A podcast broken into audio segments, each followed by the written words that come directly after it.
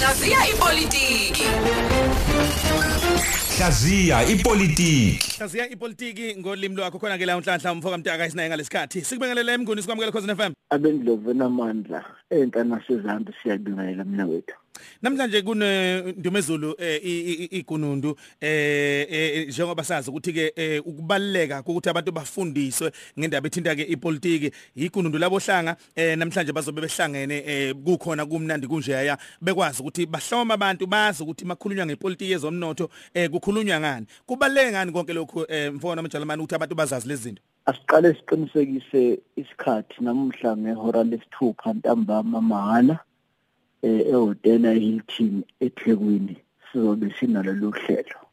Mhm. eh ngifisa nje ukusho amaphuzu amathathu nenze sabona kumqoko ukuthi asibe nalolu hlelo noma lezi zifundo zepolitiki.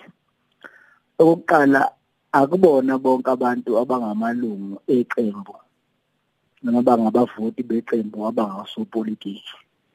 Kunabantu abathanda nje iqembu kodwa ababona osopolitiki futhi abayazi ipolitiki. Okuyingozi ke lokho sibona ukuthi labo bantu bayadinga ngisho emaqenjini ukuthi bafundiswe ipolitiki. Hayi iqembu lakhe kepha ipolitiki yaseNingizimu Afrika kuze uma eseqoma ukuthi ufuna ukuthatha liphi iqembu azi ukuthi kwenzelani lokho. Mhm. okwesibili emhlabeni jikelele alikho iqembu elinqoba ukhetho ngamalungu alo. Amafuphi alikho iqembu elingaphambi isandla lithi hayi sibafuna abanye thina sinawo amalungu ethu kuthina ke labo bantu abangabavoti abangewona amalungu bamqoka ukuthi bafundiswe ipolitiki ukuze bathi masebephetha bakhethe benolwazi Mhm. eh lokhu kuthina kumqoka ngoba okugcina alikho iqembu eningizimu Afrika elinganqoba ukhetho ngaphandle kwa- kwevoti labohlanga. Ukusho ukuthi abohlanga ibona bangafaka noma bakhiphe uhulumeni bafake noma bakhiphe ikhansela. Abohlanga uma bengayazi ipolitiki hayi amaqembu abo ipolitiki yaseningizimu Afrika ikhona ingozi yokuthi bangavoti ngolwazi noma bangavoti sampela okungenza lelizwe libuyele kwabanye abantu. Ingakho ke sithe namuhla ake sofundisana ngepolitiki yaseningizimu Afrika. Yebo kungenzeka ukuthi nebandla lakho lapha emaqenjini kepha okumqoka ukuthi yazi ipolitiki nepolitiki yezomnotho yaseningizimu Afrika khona uzokwazi ukuthi uma kunenkinga iqalephi uma u- u- unesixazululo ungaqhamuka kanjani nazo. Ithina sodwa eningizimu Afrika. Esingakwazi ukuthi sibe ne- nemihlangano yethu sodwa sixoxe baze basabisa abanye abantu bathi hayi musana ukuhlangana nodwa kuzothiwa ningamaZulu musana ukuhlangana nodwa kuzothiwa ngamaXhosa musana ukuhlangana nodwa kuzothiwa niyabandlulula.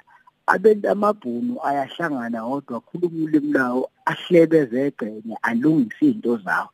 Amangisi akwenza amandiya akwenza. Sizoqala lapha umkhankaso uthi abohlanga banelungelo lokuyinwaya babe bodwa nje bakhulume bodwa bangahumushelwa umuntu bafundisane ipolitiki. Okuyothi uma sebephuma aba- ubani ozozuza la umuntu uzobuza ngaphandle kokuzuzwa komuntu ozobehambela lezifundo kuzozuza ngisho umphakathi namaqembu lawo ngoba njengoba ngishilo ukuthi akubona bonke abantu abakuvotelayo nabangamalungu akho abangasopolitiki siyakulekelela ukuthi khona uzoba namalungu ayazi ipolitiki.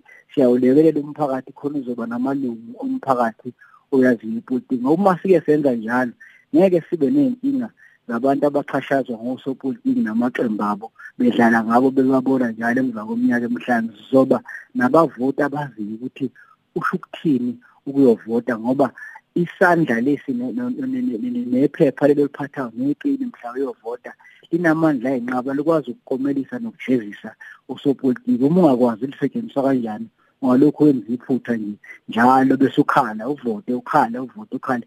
Sithi dweba umgqamane nokusaphinde uvote ukhala. Sizofundisana ipolitiki sibone ukuthi ungayilekelela kanjani iqembu lakho ungawulekelela kanjani umphakathi wakho wena ungalekelela kanjani iqondene ipolitiki yaseNingizimu Afrika ungena mahala ihora lesithupha kuyobe kuyimi nomfowethu eh, umnomzana uXolani Dube bakhona nabanye ngoba sihambela yonke amadolobha bakhona nabanye esibamemile abazoba khona soyikhipha uhlu labo ungekudala nje Mm. Ngizokala futhi kanti konke ngihamba kahle ke mnguni. Eh kusihla namhlanje eh sibonga kakhulu mfowethu.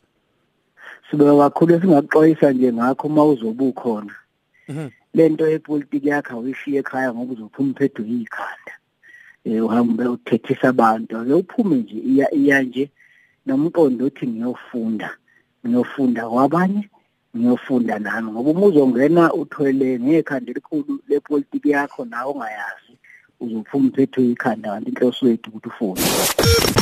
Hlaziya ipolitiki. Hlaziya ipolitiki.